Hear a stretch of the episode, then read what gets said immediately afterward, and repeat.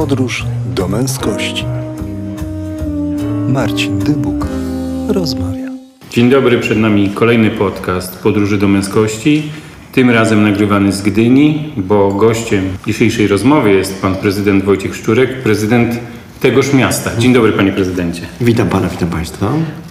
Zacznę od piątego pytania, które nagle stało się pierwszym, a stało się pierwszym, gdyż zobaczyłem, że pan morsuje. I chciałem zapytać, czy to jest sposób na rzucenie złych emocji, czy na coś jeszcze innego?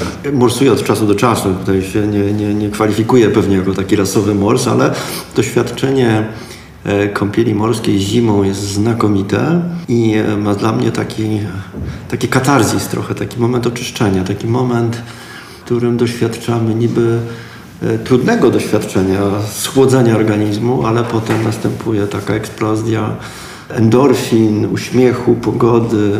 Myślę, że to jest znakomite doświadczenie i myślę, że będę oczywiście do niego wracał, choć nie jak e, wielu moich znajomych kolegów e, robią to kilka razy w tygodniu nawet. No tak, ale panie prezydencie, ma pan blisko morze, a więc praktycznie biegać pan lubi pobiegać. A więc można się przebrać w dres, pobiec nad morze, wziąć zimną kąpiel i wrócić do pracy pełną Prawda, energii. to prawda, bo, bo dobre morsowanie to zgodnie z wszystkimi zasadami sztuki wymagane, wymaga wcześniej nieco rozgrzewki, czyli pobiegania. E, A pobieganie po plaży jest e, bardzo przyjemne. Ja to zawsze czynię na plaży w Orbowie, więc e, scenografia i otoczenie jest przepiękne i zawsze też dodaje kolejnych takich motywacji do tego, żeby od czasu do czasu zimą zamorsować. Spotkaliśmy się dzisiaj, żeby porozmawiać o roli lidera we współczesnym świecie i taki przykład e, morsowania jest dobrym przykładem, ale przechodząc już do głównego tematu, jaką rolę w, w dzisiejszych czasach odgrywa lider? Kim powinien być lider? Jaki powinien być? To w sumie zadałem trzy pytania w jednym, ale to zacznijmy od tej roli. No, y, rzeczywiście temat szeroki. Mogę mówić o własnym doświadczeniu. Zresztą też y, oczywiście patrzę na to, jak się kształtują te przy, przywództwa czy sposoby zarządzania przez liderów w organizacjach komercyjnych, politycznych. Myślę, że czas się zmienił i to, co wynika przede wszystkim dla mnie ze sposobu budowania, zarządzania zespołem, zmotywowania zespołu, to przede wszystkim partnerstwo, to umiejętność otoczania się i współpracy z ludźmi bardzo często lepszymi od siebie. To wymaga pokory, to wymaga przekonania, że cel, który budujemy dla organizacji, w moim przypadku dla kierowania miastem, to cel, dla którego warto włączać najlepszych do takiego zespołu, dzielenia się doświadczeniami, szukania pewnego wektora.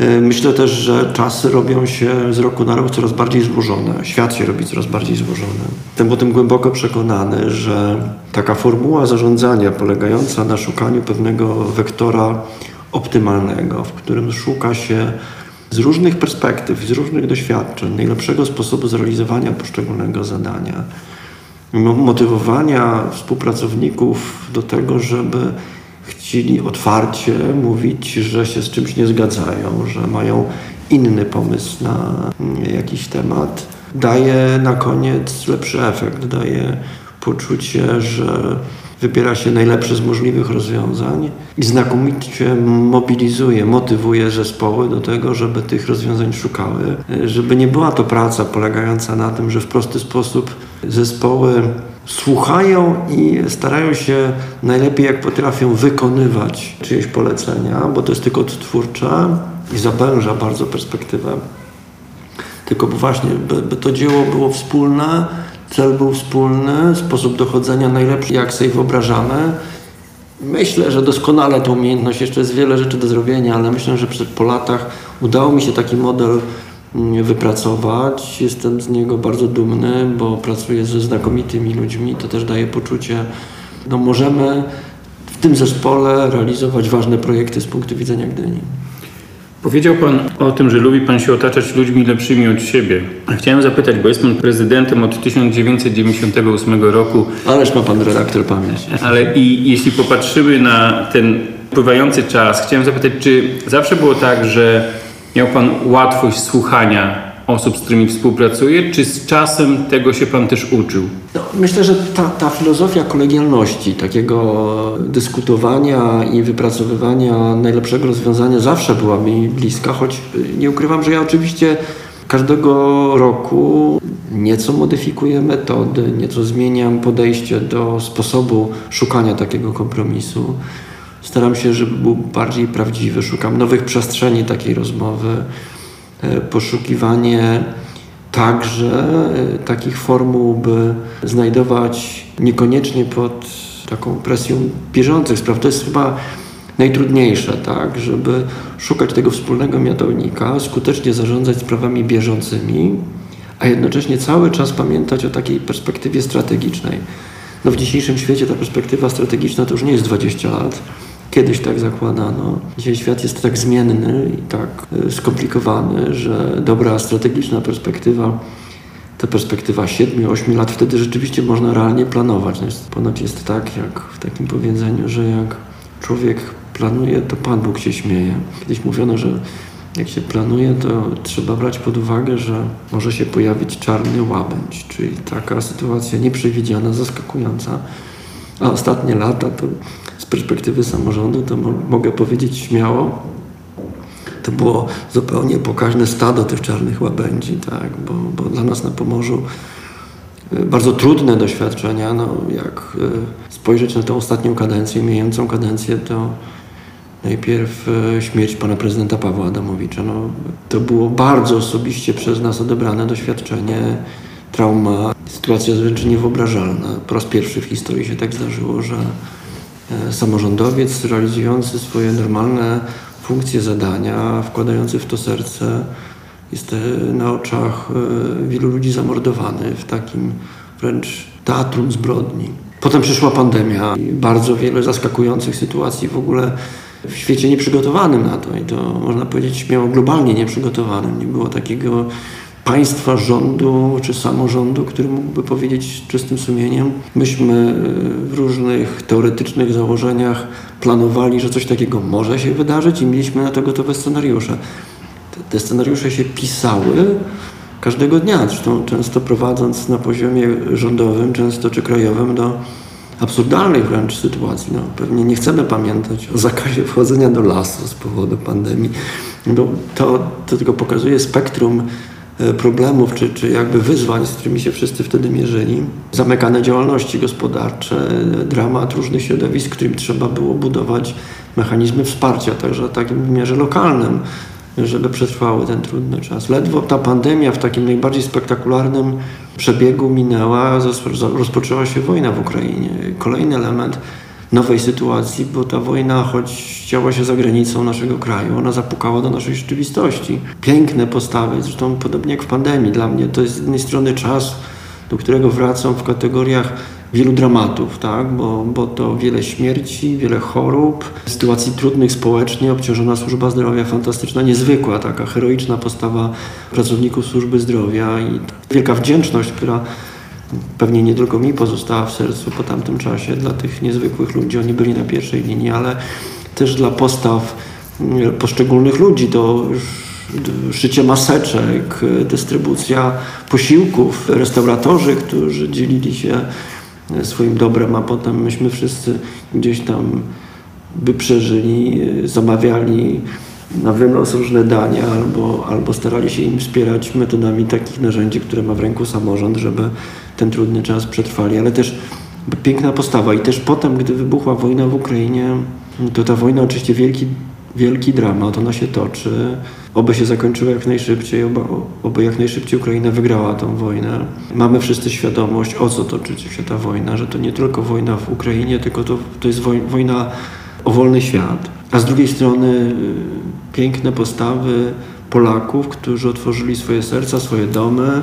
To było bardzo niedawno. Już ten czas tak pędzi, że, że już dzisiaj jesteśmy w innym miejscu, ale to tylko pokazuje, jak złożone czasy, jak trudno. Kiedy wracam w pamięci chwilami do momentu, kiedy rozpoczynała się ta kadencja samorządowa. Rok 2018, jakie budowaliśmy scenariusze, plany, jak beztroskim świecie planowaliśmy zaledwie najbliższe 5 lat Ja tylko mówię o wydarzeniach, które się zmieściły w cyklu jednej kadencji samorządowej. I praktycznie te plany można było wyrzucić do śmietnika bardzo szybko. Częściowo. ja powiem, na szczęście i tak i nie. Wiele, znaczy trzeba byłoby fundamentalnie zmienić e, system wartości, bo jeszcze może do tych plak egipskich dodałbym jedną na poziomie samorządowym, mianowicie działania rozpoczęte od roku 2019, które samorządom odebrały gigantyczną część pieniędzy. Jedna dziesiąta budżetu Gdyni została nam zebrana. I to wszystko w czasach, kiedy właśnie pandemia, wojna w Ukrainie, kiedy pojawiła się fala inflacji, bardzo bolesne doświadczenie każdego domu, każdej rodziny, ale była też bardzo dotkliwym doświadczeniem budżetów samorządowych. Koszty energii, wzrost kosztów płac, koszty świadczeń, wszystkich w zasadzie dóbr nabywanych przez samorząd dla realizacji zadań. To, wszystko e, powodowało, że rzeczywiście bardzo, bardzo trudny czas. Ale ja dzisiaj mamy trochę taki moment, w którym trochę już e, podsumowujemy tę, tę kadencję.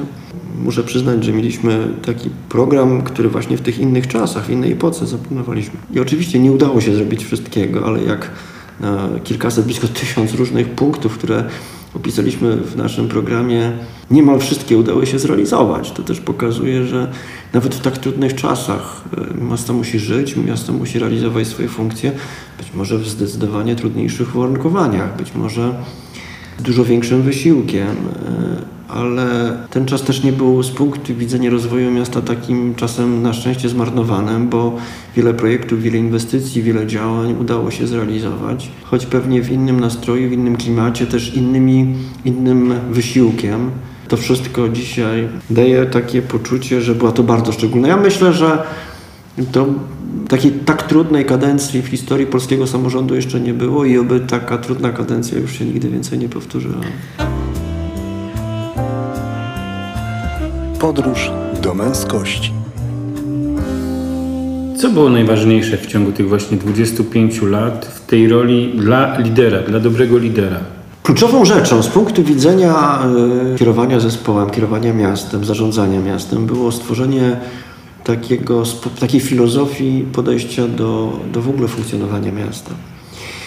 Kiedy w 1998 roku rozpoczynałem pierwszą swoją kadencję, Gdynia stawała przed e, dramatycznymi wyzwaniami związanymi z zapaścią gospodarki morskiej. Gdynia zawsze stała siłą gospodarki morskiej. To nie tylko port, który się znakomicie na szczęście rozwija, ale to także wielcy armatorzy, to było Polskie Linie Oceaniczne, to był Dalmor, to była Stocznia Gdynia przede wszystkim. Stocznia Gdynia to były tysiące miejsc pracy, firmy, które kooperowały z tymi podmiotami największymi, podmiotami gospodarki morskiej. To firmy, które tworzyły 67, 70% potencjału gospodarczego miasta.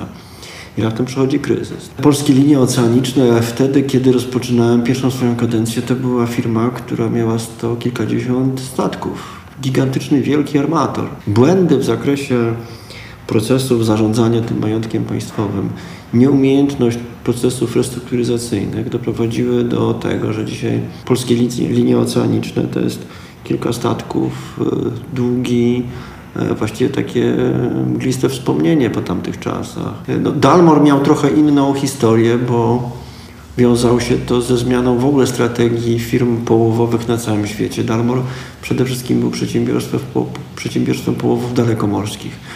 Łowił na akwenach wokół Ameryki Południowej, na Dalekim Wschodzie. Tam łowił ryby, je przetwarzał i sprzedawał. Ten rynek się skończył. Państwa wcześniej wpuszczając na swo- swoje wody przybrzeżne statki, które realizowały takie, taką działalność gospodarczą, skutek też ograniczeń związanych z kurczeniem się zasobów, zamknęły te akweny, w związku z tym no Dalmor z tego powodu de facto stracił rację bytu, ale stocznia to po prostu kolejny przykład e, braku polityki państwa w zakresie restrukturyzacji. Na całe nieszczęście ten cały kolaps złożył się w bardzo krótkim czasie. Gigantyczne bezrobocie, które sięgało kilkunastu procent, wtedy w dzisiaj to jest 2%. Załamanie całego, całego tego obszaru gospodarki morskiej spowodowała potrzebę zupełnie nowego, takiego zredefiniowania funkcji rozwojowych miasta. po pierwsze dywersyfikacji gospodarczej, szukania nowych przestrzeni. Wtedy rozpoczęliśmy działania zmierzające do takiego pobudzenia zapisanej w genach Gdyni przedsiębiorczości. Takie akcje, gdy inwestujesz Gdynia, przyciąganie inwestorów. Wtedy zrodziła się idea parku naukowo-technologicznego, żeby stworzyć narzędzia wsparcia dla ludzi, którzy tracili pracę, by odnajdywali się na rynku, żeby budować nową gospodarkę Gdyni w sposób bezpieczny, nawet zdywersyfikowany, bo tamte lata pokazały, że tak silne związanie gospodarki miasta z tylko jedną gałęzią jest bardzo ryzykowne i rodzi bardzo daleko idące skutki. Krok po kroku udało się realizować ten etap. Odbudowaliśmy przedsiębiorczość. Dzisiaj Gdynia jest miastem gospodarczo bardzo zrównoważonym, posiada w gruncie rzeczy bardzo zdywersyfikowaną gospodarkę, co daje poczucie bezpieczeństwa posiada swoje specjalności, ale też szuka nowych branż, które będą tworzyły przyszłość naszego miasta. Kolejnym bardzo ważkim elementem to jest y, budowanie, to też taka misja, którą musi realizować lider właśnie, że kluczową rzeczą z punktu widzenia miasta, poza tymi takimi zauważonymi, trwałymi elementami, które przemieszczając się po mieście widzimy, tak? nowe budynki, nowe inwestycje. One są ważne w życiu miasta, one tworzą taki fundament. Ale że kluczowym paradygmatem rozwojowym to jest spojrzenie na rozwój miasta w kategorii jakości życia mieszkańców. I bardzo wiele działań o charakterze takim programowym, społecznym, które udało się zainicjować, one powodowały, że troska o jakość środowiska, troska o jakość edukacji, ofertę kulturalną, troska o zazielenianie miasta, troska o bezpieczeństwo w mieście. To były czynniki, które spowodowały, że jakość życia stawała się elementem bardzo ważkim z punktu widzenia jakby takiej, takiego poczucia tożsamości Gdyni. Ta jakość opisywana, takie przekonanie Gdynian, że to jest takie ich miejsce na ziemi, no przed laty realizowane takim cyklicznie największe badanie socjologiczne pana profesora Czapińskiego, diagnoza społeczna. To takie bardzo obszerne badanie dotyczące właściwie wszystkich aspektów życia społecznego w Polsce. Między innymi weryfikowało takie postrzeganie przez mieszkańców jakości życia i przez lata, jak te badania były prowadzone, zawsze Gdynia była liderem tego rankingu. Gdynianie uwierzyli w to, że właśnie jakość życia poczucie stabilnej oferty miejsc pracy, poczucie e, estetyki przestrzeni, czystości środowiska, jakości edukacji, jakości pomocy społecznej, jakości komunikacji miejskiej. To są wszystko elementy, które zespolone razem powodują, że tu się dobrze żyje. To to powoduje, że do Gdyni wciąż przybywają nowi mieszkańcy. Miałem takie ciekawe doświadczenie przed kilkoma miesiącami, kiedy otwieraliśmy park centralny E, podeszli do mnie tacy młodzi ludzie. Okazało się, że to dwa małżeństwa z Krakowa. Poznali się w Gdyni, którzy w tym samym mniej więcej czasie zdecydowali się, żeby z Krakowa przeprowadzić się do Gdyni. Właśnie dlatego, że uznali, że to jest takie najlepsze miejsce do, do życia ich i ich dzieci, że jakość środowiska, jakość oferty kulturalnej, takie elementy, które też młodzi ludzie bardzo cenią, że wszyscy cenią, znaczy możliwość pójścia do dobrej knajpki na jakiś obiad, spotkanie się z przyjaciółmi, możliwość brania udziału w jakichś wydarzeniach artystycznych, e, możliwość nabycia, choć wiemy dzisiaj, że te ceny odjechały, są bardzo wysokie, nabycia mieszkania, no właśnie życia, życia w mieście. To wszystko sprawiło, że, że takie potwierdzenie, że ten cel, jaki postawiliśmy wspólnie i wspólnie realizowaliśmy. Wspólnie najpierw wybudowaliśmy w swoim zespole, długo dyskutując o tych elementach, nabierając wspólnie przekonania, że, że to ważne, że to jest właśnie ta, ta droga, którą samorządowo chcemy kroczyć, żeby przekonywać do tego otoczenie, przekonywać do tego Radę Miasta, przekonywać do tego mieszkańców Gdyni, że, że, że tak właśnie warto, że myślę, że to jest najważniejsze, że ten właśnie proces, bo proces ma też taką cechę, że on wymaga czasu, wymaga pokory, wymaga cierpliwości, wymaga konsekwencji i też wymaga zrozumienia, że trzeba dużo cierpliwości do tego, żeby zaprosić do tego działania ogół mieszkańców, tak? Że niektórzy szybciej, niektórzy wolniej, ale to y, lider ma obowiązek zbudować przekonanie, że cel jest fajny, cel jest ważny. Jak się wspólnie zmobilizujemy, to będziemy realizować takie działania i że, że po prostu będzie się w tym mieście lepiej żyło, przyjaźniej, że obojętnie, czy ktoś jest młody, czy, czy, czy ktoś jest starszy, czy jest przedsiębiorczym, młodym człowiekiem, który sam realizuje swoje zadania, czy też jest na przykład osobą z niepełnosprawnością, to każda z tych osób może z czystym sumieniem powiedzieć, tak, to, to jest moje miejsce na ziemi. Panie prezydencie, dowiedzieliśmy się, jak w ciągu tych 26 lat pana prezydentury zmieniło się miasto. A jak się zmienił pan jako człowiek, jako prezydent, jako lider? Chciałbym powiedzieć, że się nie zmieniłem, choć oczywiście to nieprawda. e, Bo, bo oczywiście czas płynie, acz dla mnie to, to jest y, taki okres, który mi też y, pozwalał tak, myślę, że każdego roku, każdego miesiąca, każdego dnia znajdować motywację do takiego samorozwoju, żeby przekonywać swoich współpracowników, żeby ich zaprosić do tego, żebyśmy otwartym językiem bardzo zdecydowanie spierali się i szukali najlepszych rozwiązań to na początku trzeba to coś odkryć, nabrać przekonania, zbudować argumenty do tego, że to ma sens, że to, to jest y, wysiłek wart y, jego poniesienia, żeby szukać sposobu budowania takiej argumentacji, żeby to nie był proces narzucany, bo Czy to jest tak, że w 98 pan bardziej narzucał, a dzisiaj bardziej słucha? Myślę, że tak. Myślę, że mogę powiedzieć, że chyba w tym 98 roku wydawało mi się, że kluczową rzeczą to jest posiadanie dobrego pomysłu i potem sprawne jego zrealizowanie. Myślę, że to wieku czy pokory? Pokory także, która w pewnym momencie w sposób jasny obrazuje, że każdy człowiek, który ma swoją drogę rozwoju osobistego, który ma swoje doświadczenia, on jest kapitałem.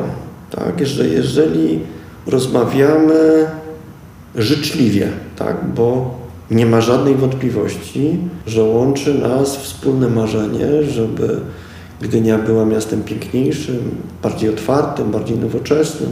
I każdy z innej perspektywy swojego osobistego doświadczenia zarysuje jakąś e, drogę do osiągania takiego celu, to na pewno razem wybierzemy lepszą. Że jeżeli pracuje się naprawdę z mądrymi, otwartymi ludźmi, nikt z nas nie jest się, ideałem. Każdy z nas popełnia błędy, każdy z nas też może się mylić, ale kiedy razem szuka się takiego rozwiązania, kiedy uczy się każdego dnia, że takie wsłuchanie się w różnych perspektywach, czy to jest perspektywa swoich najbliższych współpracowników, bardzo często znakomitych urzędników. Nam się przez te lata udało zebrać naprawdę niezwykły zespół ludzi, pasjonatów tego, co robią. Proszę mi wierzyć, że to nie wysokość uposażenia decyduje o tym, że gro tych ludzi tu pracuje, tylko pasja realizowania określonych zadań bo płacimy mniej niż byśmy chcieli płacić.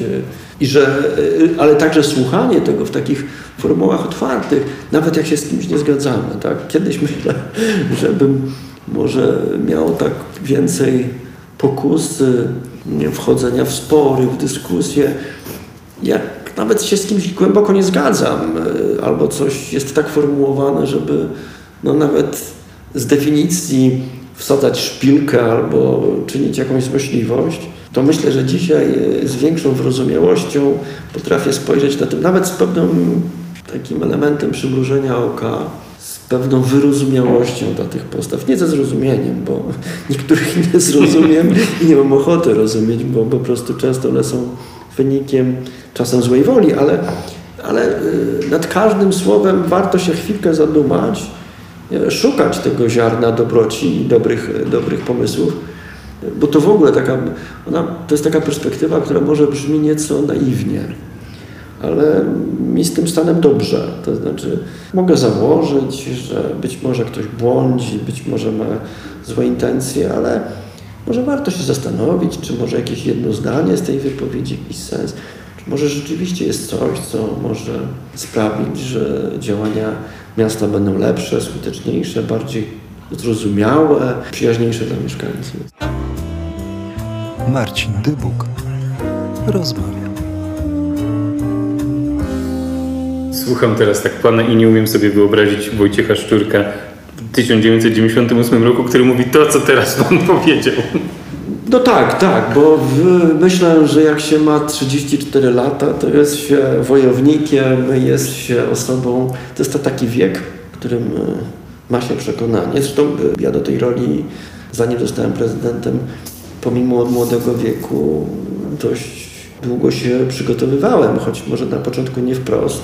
Bardzo sobie cenię i w pracy, mojej tu pracy w samorządzie, doświadczenie mojej pracy zawodowej, jestem z zawodu sędzią. Kiedy wykonywałem tę pracę i jeszcze nieco obok tego bakcyla samorządowego, który złapałem nieco później, wydawało mi się, że to jest moje miejsce na ziemi, że to jest spełnienie moich marzeń, że to jest praca, która daje tak niezwykłą satysfakcję, takie poczucie odpowiedzialności, ale właśnie poczucie odpowiedzialności, tak? Potem przez 7 lat, zanim zostałem prezydentem, byłem przewodniczącym Rady Miasta. Bardzo ciekawa perspektywa, też taka perspektywa, która dzisiaj mi bardzo wiele daje, bo mam dużo wyrozumiałości do postaw radnych. Nawet jak tam czasem opowiadają różne kocopałki, to myślę, że demokracja się musi wydziać. Każdy ma prawo nawet do pewnego absurdalnego poglądu. Trzeba to uszanować, że się dzieje, bo takie są prawidła demokracji i nasz świat jest lepszy, jeżeli te mechanizmy demokracji traktujemy na serio. Każdy może swoje racje wypowiadać i rzeczywiście jest we mnie dzisiaj więcej wyrozumiałości, więcej takiej tolerancyjności niż wtedy, kiedy w tą drogę prezydenta wyruszałem. Czy to Pana doświadczenie w roli sędziego, czy ono na początku prezydentury było bardziej pomocne, czy jednak mimo wszystko trochę przeszkadzało, no bo sędzia wydaje wyrok? Sędzia wydaje wyrok. Ja byłem sędzią w Wydziale Spraw Cywilnych, co jest też, że nie, nie skazywałem nikogo, zresztą duża odmienność pewnej filozofii wykonywania tego zawodu. Byłem sędzią, krótko przewodniczącym też Wydziału Cywilnego Sądzie Rejonowym w Gdyni. Bardzo mi ta perspektywa pomagała. Ona mi pomagała najpierw wtedy, kiedy byłem przewodniczącym Rady. To są takie czasy trudne do wyobrażenia, ale jedną z rzeczy, która sprawiła, że wtedy mając lat 27, będąc najmłodszym radnym w Radzie Miasta Gdyni, kolejny w sensie wieku był, kolejny najmłodszy był o 10 lat ode mnie starszy. Byłem naprawdę takim juniorem w tym gronie, a tam byli profesorowie uniwersyteccy, lekarze, ludzie z olbrzymim doświadczeniem życiowym, natomiast z bardzo słabym doświadczeniem umiejętności funkcjonowania w procedurach. Tak, jak takie proste rzeczy, że jak jeden mówi, to reszta słucha. Jest jakaś kolejność tego zgłaszania. I powiem, na początku no sędzia też ma taki obowiązek, że musi zapanować nad salą rozpraw. Ta umiejętność stanowczego wyegzekwowania pewnego porządku na sali była takim pierwszym moim doświadczeniem skutecznie zrealizowanej misji przewodniczącego, która zaowocowała tym, że sesje Rady Miasta zamiast trwać jak wcześniej 12 godzin, zaczęły trwać 5 godzin, 6 godzin. Po prostu wszystko miało pewien swój porządek. I, I wtedy ta praca, to doświadczenie sędziego polegające na zdolności, że tam przewodniczący Rady Miasta, podobnie jak sędzia, zasiada za stołem, jest sala, musi zapanować nad tą salą, no i bardzo twardo wyegzekwować prawo, tak, niezależnie od tego, jak rozpalone głowy wchodziły na przykład na salę sądową, podobnie na sali obrad Rady Miasta. Zawsze ta perspektywa sędziego, potem zresztą było dla mnie ważne, żeby te, to, te doświadczenie prawnicze rozwijać. Stąd miałem też taki etap, że na bazie już doświadczeń samorządowych, jak już trochę wiedziałem, że do zawodu sędziego pewnie nie wrócę, szukałem w samorządzie też takich elementów, które pozwalały mi doskonalić warsztat prawny. Wtedy e, rozpoczynająca się taka nowa formuła funkcjonowania portów morskich, ustawa o portach i przystaniach morskich. Z taką bardzo nowoczesną, jak nowoczesne czasy konstrukcją, sprowokowała mnie do tego, żeby pisać na ten temat. Najpierw artykuły, książki, a potem rozprawę doktorską. I bardzo, bardzo było to dla mnie ważne, że obroniłem ten doktorat będąc już prezydentem, ale, ale było to dla mnie właśnie taka trochę po, po, po, poczucie powrotu do tych elementów prawa jako tego obszaru swojego szczególnego zainteresowania. I ta umiejętność czytania przepisów prawa, ale też ważenia, takiego poczucia, takiego myślenia, no to też trochę zanika we współczesnym świecie. Taka dusza państwowca, że dla mnie normy, konstytucja, ustawy, praworządność to są takie elementy pewnego fundamentu myślowego, które też w wymiarze samorządowym, jak się dość konsekwentnie wprowadza, no to moi współpracownicy, ludzie, z którymi pracują, doskonale wiedzą, jakie jest moje podejście do, do właśnie tych zagadnień i myślę, że ono pomaga też zbudować to myślenie samorządowe w takim właściwym porządku. I często także my na co dzień pracujemy w oparciu o przepisy prawa, umiejętność interpretowania. One oczywiście są często trudne, te interpretacje nie są jednorodne, ale warsztat prawnika każdego dnia pomaga mi w skutecznym realizowaniu swoich zadań. I teraz rozumiem skąd to zamiłowanie do takiego porządku na zebraniach. W jakimś sensie też. Podróż do męskości. Panie prezydencie, gdyby pan miał wskazać jedną, najważniejszą lekcję, którą pan dostał ciągu tych 26 lat na urzędzie prezydenta, to jaka to by była lekcja? Dobre pytanie, muszę chwilkę o niej pomyśleć. O tym, że świat się zmienia i że trzeba mieć otwartą głowę do tego, żeby nawet w czasie swojego funkcjonowania na urzędzie mieć odwagę powiedzieć, że pomysły, które 10-15 lat temu wydawały nam się znakomite, odpowiadające najlepiej oczekiwaniom miasta, po latach ocenia się niezwykle krytycznie i nawet robiąc takie małe uch, uff, że się nie zrealizowało tych pomysłów wcześniej. No, rozmawiamy z okna w budynku, z oknami na park centralny. Myślę, że bardzo dobry przykład nie tylko pewnego trendu życia w mieście, który pokazuje, jaką wagę ma zieleń, funkcje parkowe w mieście. No, 7-hektarowy park, który udało się wbudować w centrum miasta, jest takim, myślę, że nie, nie, niewiele miast w Europie może się poszczycić tym, że zdefiniowało i wybudowało w centrum miasta przy najbardziej centralnym obszarze przy ratuszu i takiej centralnej ulicy park o wielkości 7 hektarów. Czy przypadkiem kiedyś tam nie miał być urząd? Ale właśnie, dlatego o tym mówię, że cieszymy się patrząc na to, ale ja powiem więcej. Nie tylko urząd miał być w tym miejscu, ale wielkie centrum handlowe. I 15 lat temu forsowaliśmy rozwiązanie, że właśnie wielkie centrum handlowe, to była ta epoka, w której te centra wyrastały i wydawało nam się, że wszyscy strasznie je pokochaliśmy, że tych centrów powinno być bardzo dużo i że właściwie to one są takim areopagiem, są takim miejscem spędzania czasu.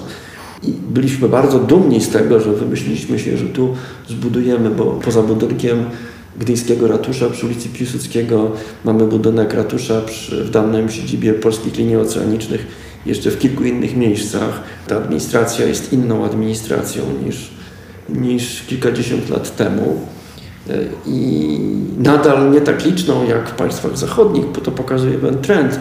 Im lepiej wykonywane zadania publiczne tej administracji jest więcej. Stąd też pomysł, żeby wybudować nowy ratusz, ale na szczęście go nie wybudowaliśmy. Na szczęście nie sprzedaliśmy tego terenu pod wielkie centrum handlowe. I po latach mieliśmy odwagę powiedzieć nie. Tamten nasz pomysł był zły. Mówimy o tym, że dzisiaj najlepszym sposobem dla tego obszaru jest stworzenie przestrzeni parkowej, stworzenie parkingu podziemnego, który jest taką rezerwą miejsc parkingowych, które jak ktoś chce przybyć y, do śródmieścia Gdyni, to na granicy tego śródmieścia może pozostawić swój samochód, wychodzi wprost na ulicę Świętojańską, ma blisko na bulwar nadmorski, może realizować swoje aspiracje, niekoniecznie po tym śródmieściu przemieszczając się samochodem. I to jest taka, taka lekcja y, pokory, że y, warto o różne rzeczy walczyć, ale Warto też wtedy, kiedy się wyświetla, że jakiś pomysł nie do końca okazał się szczęśliwy, mieć odwagę powiedzenia nie. Czas na zmianę, podjąć tę decyzję i nie bać się tego, nie bać się takiego myślenia, że ktoś powie, że, że nie, że to będzie dowód na to, że się kiedyś pomyliliśmy. Nie, świat się zmienia, a w ślad za tym na pewno warto e, rewidować swoje poglądy. Zmieniają się także wyborcy w tych 20 paru lat. Czego dzisiaj oczekują wyborcy od dobrego lidera, dobrego prezydenta? Żywię głębokie przekonanie, zresztą no, wyborcy pokażą, czego oczekują, wybierając e, na kolejną kadencję swego prezydenta. W moim najgłębszym przekonaniu nadal w samorządzie najważniejszym oczekiwaniem z punktu widzenia mieszkańców to jest dobry gospodarz. Mniej polityk, myślę, że te emocje w dużej polityce sięgają takiego zenitu, że niezależnie od tego, jak i na kogo kto głosuje, to są takie momenty, że jesteśmy tym skatowani, tak? że, że ta wojna polsko-polska y, uprawiana polityką, przez polityków bardzo nas już męczy, degraduje przestrzeń debaty publicznej. Ja oczywiście mam świadomość, że nie da się realizować parlamentaryzmu bez funkcji partii politycznych, ale umiem sobie wyobrazić samorząd, który właśnie kroczy drogą szukania rozwiązań z perspektywy dobrego gospodarza, osoby, która z równym szacunkiem traktuje osoby o różnych wartościach światopoglądowych, dla której ważne jest nowoczesna szkoła, nowoczesny system komunikacji miejskiej, przyjazna, bliska takim regułom ochrony środowiska, ochrony klimatu, polityka przestrzenna, polityka, która opiera się na zrównoważonym rozwoju, na docenieniu roli nowoczesnej edukacji, stawiająca bardzo mocno na jakość życia mieszkańców. I myślę, że to jest coś, czego mieszkańcy oczekują. Tak? I do tej pory takich wyborów mieszkańcy Gdyni dokonywali. Ja też mam świadomość, że ten świat się zmienia i że ta polaryzacja też puka do tej sceny lokalnej. Jak będzie, czas pokaże. Do każdych wyborów trzeba podchodzić z pokorą. My robimy co w naszej mocy, żeby z jednej strony podsumować tę minioną kadencję. Tak jak wspomniałem, była ona z jednej strony no, pełna tych czarnych łabędzi, które co chwilę tu nadlatywały nad polskie miasta i nad Gdynię, ale z drugiej strony też pełna takich heroicznych zachowań i co ważne, jak dzisiaj patrzę i podsumowuję też czasem realizowania ważnych projektów, które udało się w tym czasie w Gdyni zrobić, niejako pomimo tych trudności. Nie ciągnęło Pana na wiejską, żeby przepędzić z perspektywy Warszawy te czarne łabędzie?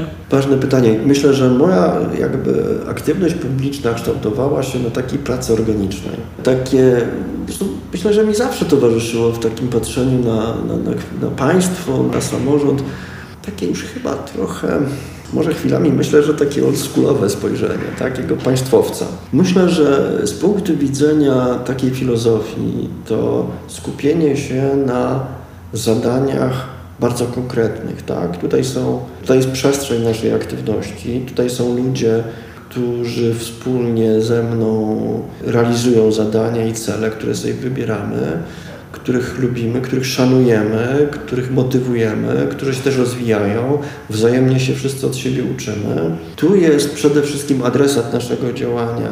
Mieszkańcy Gdyni, chodząc każdego dnia po ulicy, po ulicach Gdyni weryfikuje tak, w rozmowach, w tysiącach spotkań, co z ich perspektywy jest ważne, co z punktu widzenia mieszkańców naszego miasta jest nową potrzebą, nowym oczekiwaniem. Mnie ta możliwość przeglądania się w potrzebach i w oczach mieszkańców bardzo odpowiada.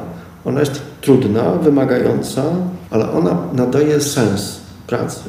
Ona powoduje, że nie jakaś abstrakcyjna ustawa. One są wszystkie potrzebne. Żeby to dobrze wybrzmiało, ja mam wielki szacunek dla tych, którzy się na to porywają. Powiem też tak nieskromnie, miałem kilka ważkich propozycji podjęcia ważkich funkcji publicznych w wymiarze krajowym, ale mam takie powiedzenie, które, które wyrasta z przekonania. To nie jest tylko taki polityczny pomot. Naprawdę, moją partią jest Gdynia, już tak chyba pozostanie najnowszego rządu też były takie propozycje? No miałem propozycję kandydowania do Sejmu. Tak, ale myślę, że świadomie po raz kolejny dokonałem takiego wyboru. Podjąłem decyzję, że po raz kolejny kandyduję w nadchodzących wyborach. To będzie ostatnia moja kadencja, ważna kadencja, kadencja też stulecia Gdyni. Myślę, że to taki moment, w którym moja aktywność tu żywia te, takie głębokie przekonanie, przyniesie z punktu widzenia takiego dobra publicznego najwięcej pozytywnych efektów. Największe zaskoczenie współczesnych czasów dla Pana, bo trochę już rozmawiamy o tych nowych czasach. No, nie wiem, czy zaskoczenie, znaczy coś, co obserwuję. To jest taka zmiana filozofii komunikacji społecznej, taka z jednej strony atomizacja, taka demokratyzacja w tym dobrym i czasem niekoniecznie tego, dobrym tego słowa znaczeniu. Każdy z nas, każdy dzisiaj jest redaktorem swojego medium osobistego, każdy jest autorytetem, co często prowadzi do tego, że to uruchamia oczywiście nowe potencjały i nowe perspektywy spojrzenia, co jest bardzo ciekawe i bardzo twórcze, ale też z drugiej strony wielu buduje przekonanie, że stają się swego rodzaju autorytetami. Nie żyje takiego przekonania, że ktoś tak naprawdę jest takim publicznym celebrytą, nawet w jakiejś mikroskali, tak naprawdę buduje w ten sposób autorytet, że klikalność jest efektem czy taką miarą głębokości przemyśleń. No i to obserwuję z takim zaciekawieniem. Nie krytykuję tego, tylko poznaję to. Powiedział Pan kiedyś mi na korytarzu, nie rozumiem tego, Czy nie rozumiem tej zmiany. Nie, nie, to, to, to, to myślę tak, to jest to słowo. Nie rozumiem, w sensie nie zgadzam się na wiele rzeczy. To może w tym, w tym, w tym zakresie. Nie zgadzam się, nie zgadzam się na radykalizację języka. Nie zgadzam się, tak? Przyjmuję to do wiadomości, potrafię sobie z tym radzić, natomiast y, to nie jest tak, że jestem skłonny się pogodzić z tym, że na przykład hamstwo pojawia się w czymś, co ma aspirację bycia publicystyką, że nienawiść, hejt staje, zaciera granice do obszaru racjonalnej debaty politycznej, e, że tracimy granice bardzo często, e, nie myślimy o osobie, z którą prowadzimy dyskusję w kategoriach adwersarza, osoby o innych poglądach, innych niż moje, tylko wroga śmiertelnego, którego najchętniej słowami bym zabił. To jest e, rzecz, z którą się nie zgadzam. Ja ją rozumiem, ale ale się z nią nie zgadzam i już pewnie tak pozostanie. Czym jest dla Pana podróż do męskości? Przyszedł czas na ostatnie pytanie. to też jest chyba efekt pewnej takiej dojrzałości, poczucia odpowiedzialności. Może też taka satysfakcja, jak patrzę na wiele rzeczy, które się udało, też z pokorą na te, które się nie udały. Jak patrzę na dorastające dzieci, mam dwóch dorosłych już takich w pełni dojrzałych synów jednego jeszcze młodzieńca w domu i jak patrzę na upływ czasu i na ich doświadczenia, to myślę, że męskość to dla mnie dzisiaj przede wszystkim umiejętność spojrzenia w lustro w poczuciu byłem odpowiedzialny. Poczułem tą odpowiedzialność Poczucie odpowiedzialności zaczyna się w tym najmniejszym kręgu. Jak ktoś jest i czuje się odpowiedzialny za bliskich, to może szukać też takiej realizacji, czuć się odpowiedzialny za te szersze wymiary, ale też e, spojrzenie, że w jakimś sensie ta odpowiedzialność przekłada się na takie poczucie dobrze przeżytego czasu. I myślę sobie, że ta męskość pewnie inaczej wykwita w głowie młodzieńca, którym lat 20 parę inaczej w głowie osoby, która no, ma lat 30, 40, a inaczej, kiedy ktoś jest w moim wieku. Dziękuję bardzo za rozmowę. Bardzo dziękuję za ciekawą rozmowę. Więcej treści znajdziesz na www.magieldybuka.pl. Zapraszam.